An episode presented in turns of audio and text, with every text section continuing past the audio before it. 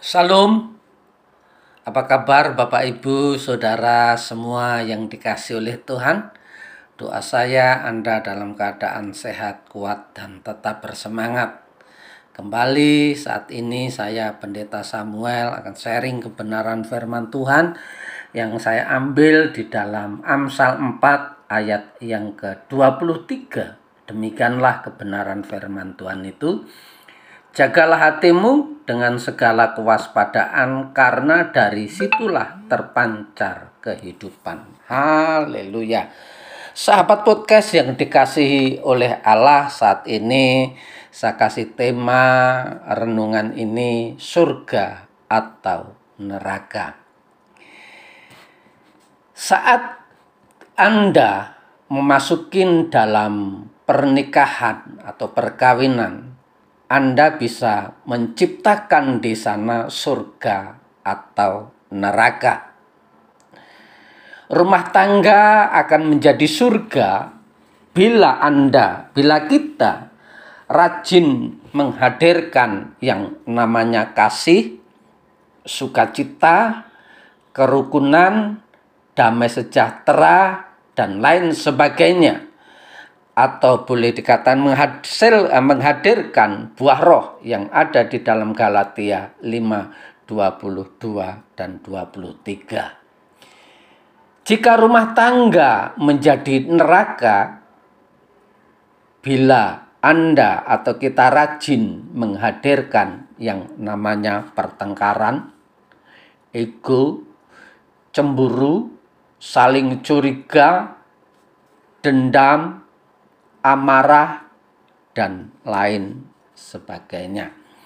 Nah, sahabat podcast agar supaya kehidupan rumah tangga kita senantiasa eh, diliputi dengan hati yang bahagia agar supaya tercipta di dalam surga dalam kehidupan rumah tangga kita maka ada tiga hal. Yang pertama, kita harus menggantikan aku menjadi kita.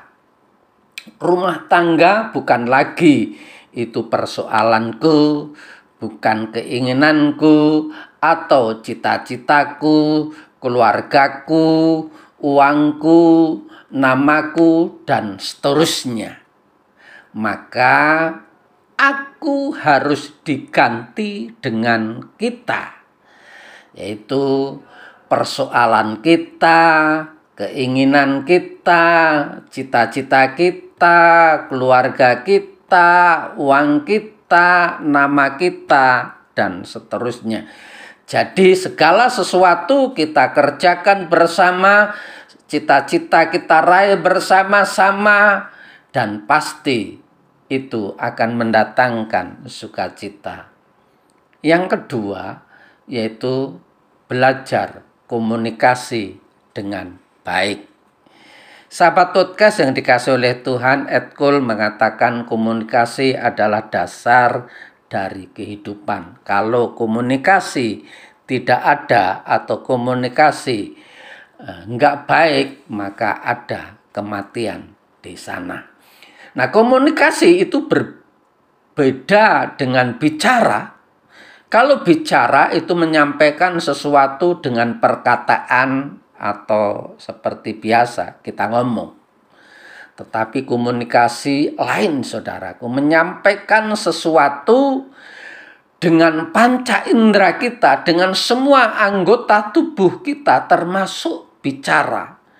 Dengan senyum, mengangguk, meraba, mendengar, pelukan, tatapan, dan seterusnya itu kalau komunikasi menyampaikan sesuatu sampai orang tak lain paham dan mengerti.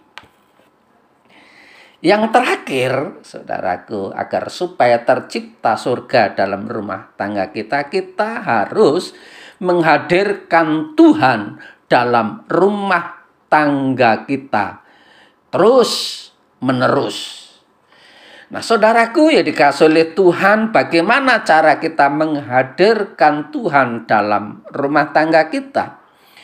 kita ajak berdoa bersama suami istri dengan anak atau keluarga yang lain. Kita menghadirkan Tuhan bisa bersama-sama saat teduh bersama membangun hubungan dengan Tuhan agar supaya Tuhan itu senantiasa bertahta di dalam kehidupan kita. Sahabat podcast yang dikasihi oleh Tuhan. Mari kita bersama-sama Tuhan kita nomor satukan dalam kehidupan kita. Karena Tuhan itu adalah sumber surga kita. Sumber kekuatan kita, sumber kebahagiaan kita, dan sumber dari segalanya.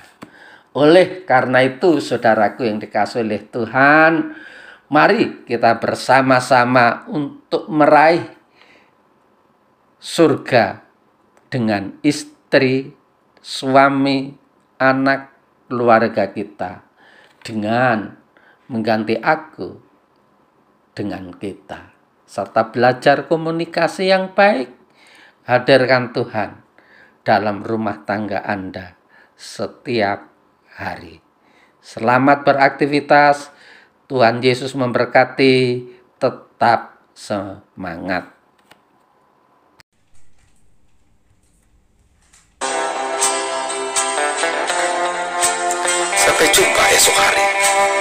Damai sejahtera dari Allah Bapa, kecintaan dan kasih karunia Tuhan kita Yesus Kristus, persekutuan serta penghiburan Roh Kudus menyertai kita sekalian mulai hari ini sampai Maranatha Tuhan Yesus datang. Amin.